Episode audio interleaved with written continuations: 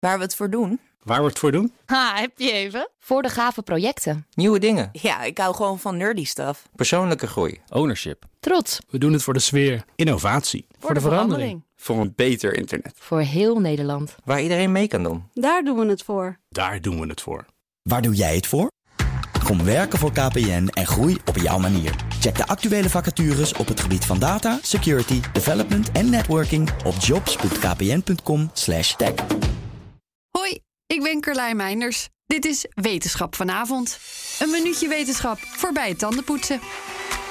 Hoe groter dier, hoe sneller het kan vliegen, geldt vaak. Maar hoe kan het dan dat een piepklein kevertje sneller kan vliegen dan insecten die drie keer zo groot zijn? Insecten zijn in de afgelopen 300 miljoen jaar steeds kleiner geworden. Toch zijn ze daardoor niet minder hard gaan vliegen.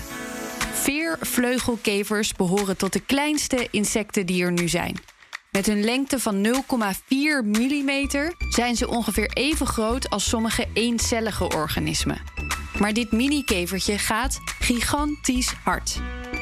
Om erachter te komen hoe dit kan, hebben ze eens heel goed naar dit beestje gekeken. Veervleugelkevers hebben allereerst vleugels die er anders uitzien dan de vleugels van bijvoorbeeld een vlieg. In plaats van alleen vleugels met gespannen vliezen, hebben ze ook twee vleugels die meer lijken op borstels. Of zoals hun naam al zegt, veren. Nou is bij grotere insecten als de fruitvlieg al vaker gekeken naar de aerodynamica van hun vliegbewegingen, maar bij veel kleinere insecten als de veervleugelkever nog niet. Tot nu dus. Dankzij opnames met een zeer gevoelige hoge snelheidscamera en computermodellen lukte het onderzoekers om de precieze vliegbeweging van de veervleugelkever in beeld te brengen. Wat blijkt? Ze hebben niet alleen extra lichte vleugels, maar die twee extra borstelvleugels wapperen ook nog op een hele bijzondere manier. Van voor naar achter in een achtfiguurtje. Een beetje alsof ze met hele overdreven bewegingen in hun handen aan het klappen zijn. En juist met die beweging lukt het ze dus om de Max Verstappen onder de minikevers te zijn. Is één minuutje wetenschap niet genoeg en wil je elke dag een wetenschapsnieuwtje? Abonneer je dan op Wetenschap vandaag.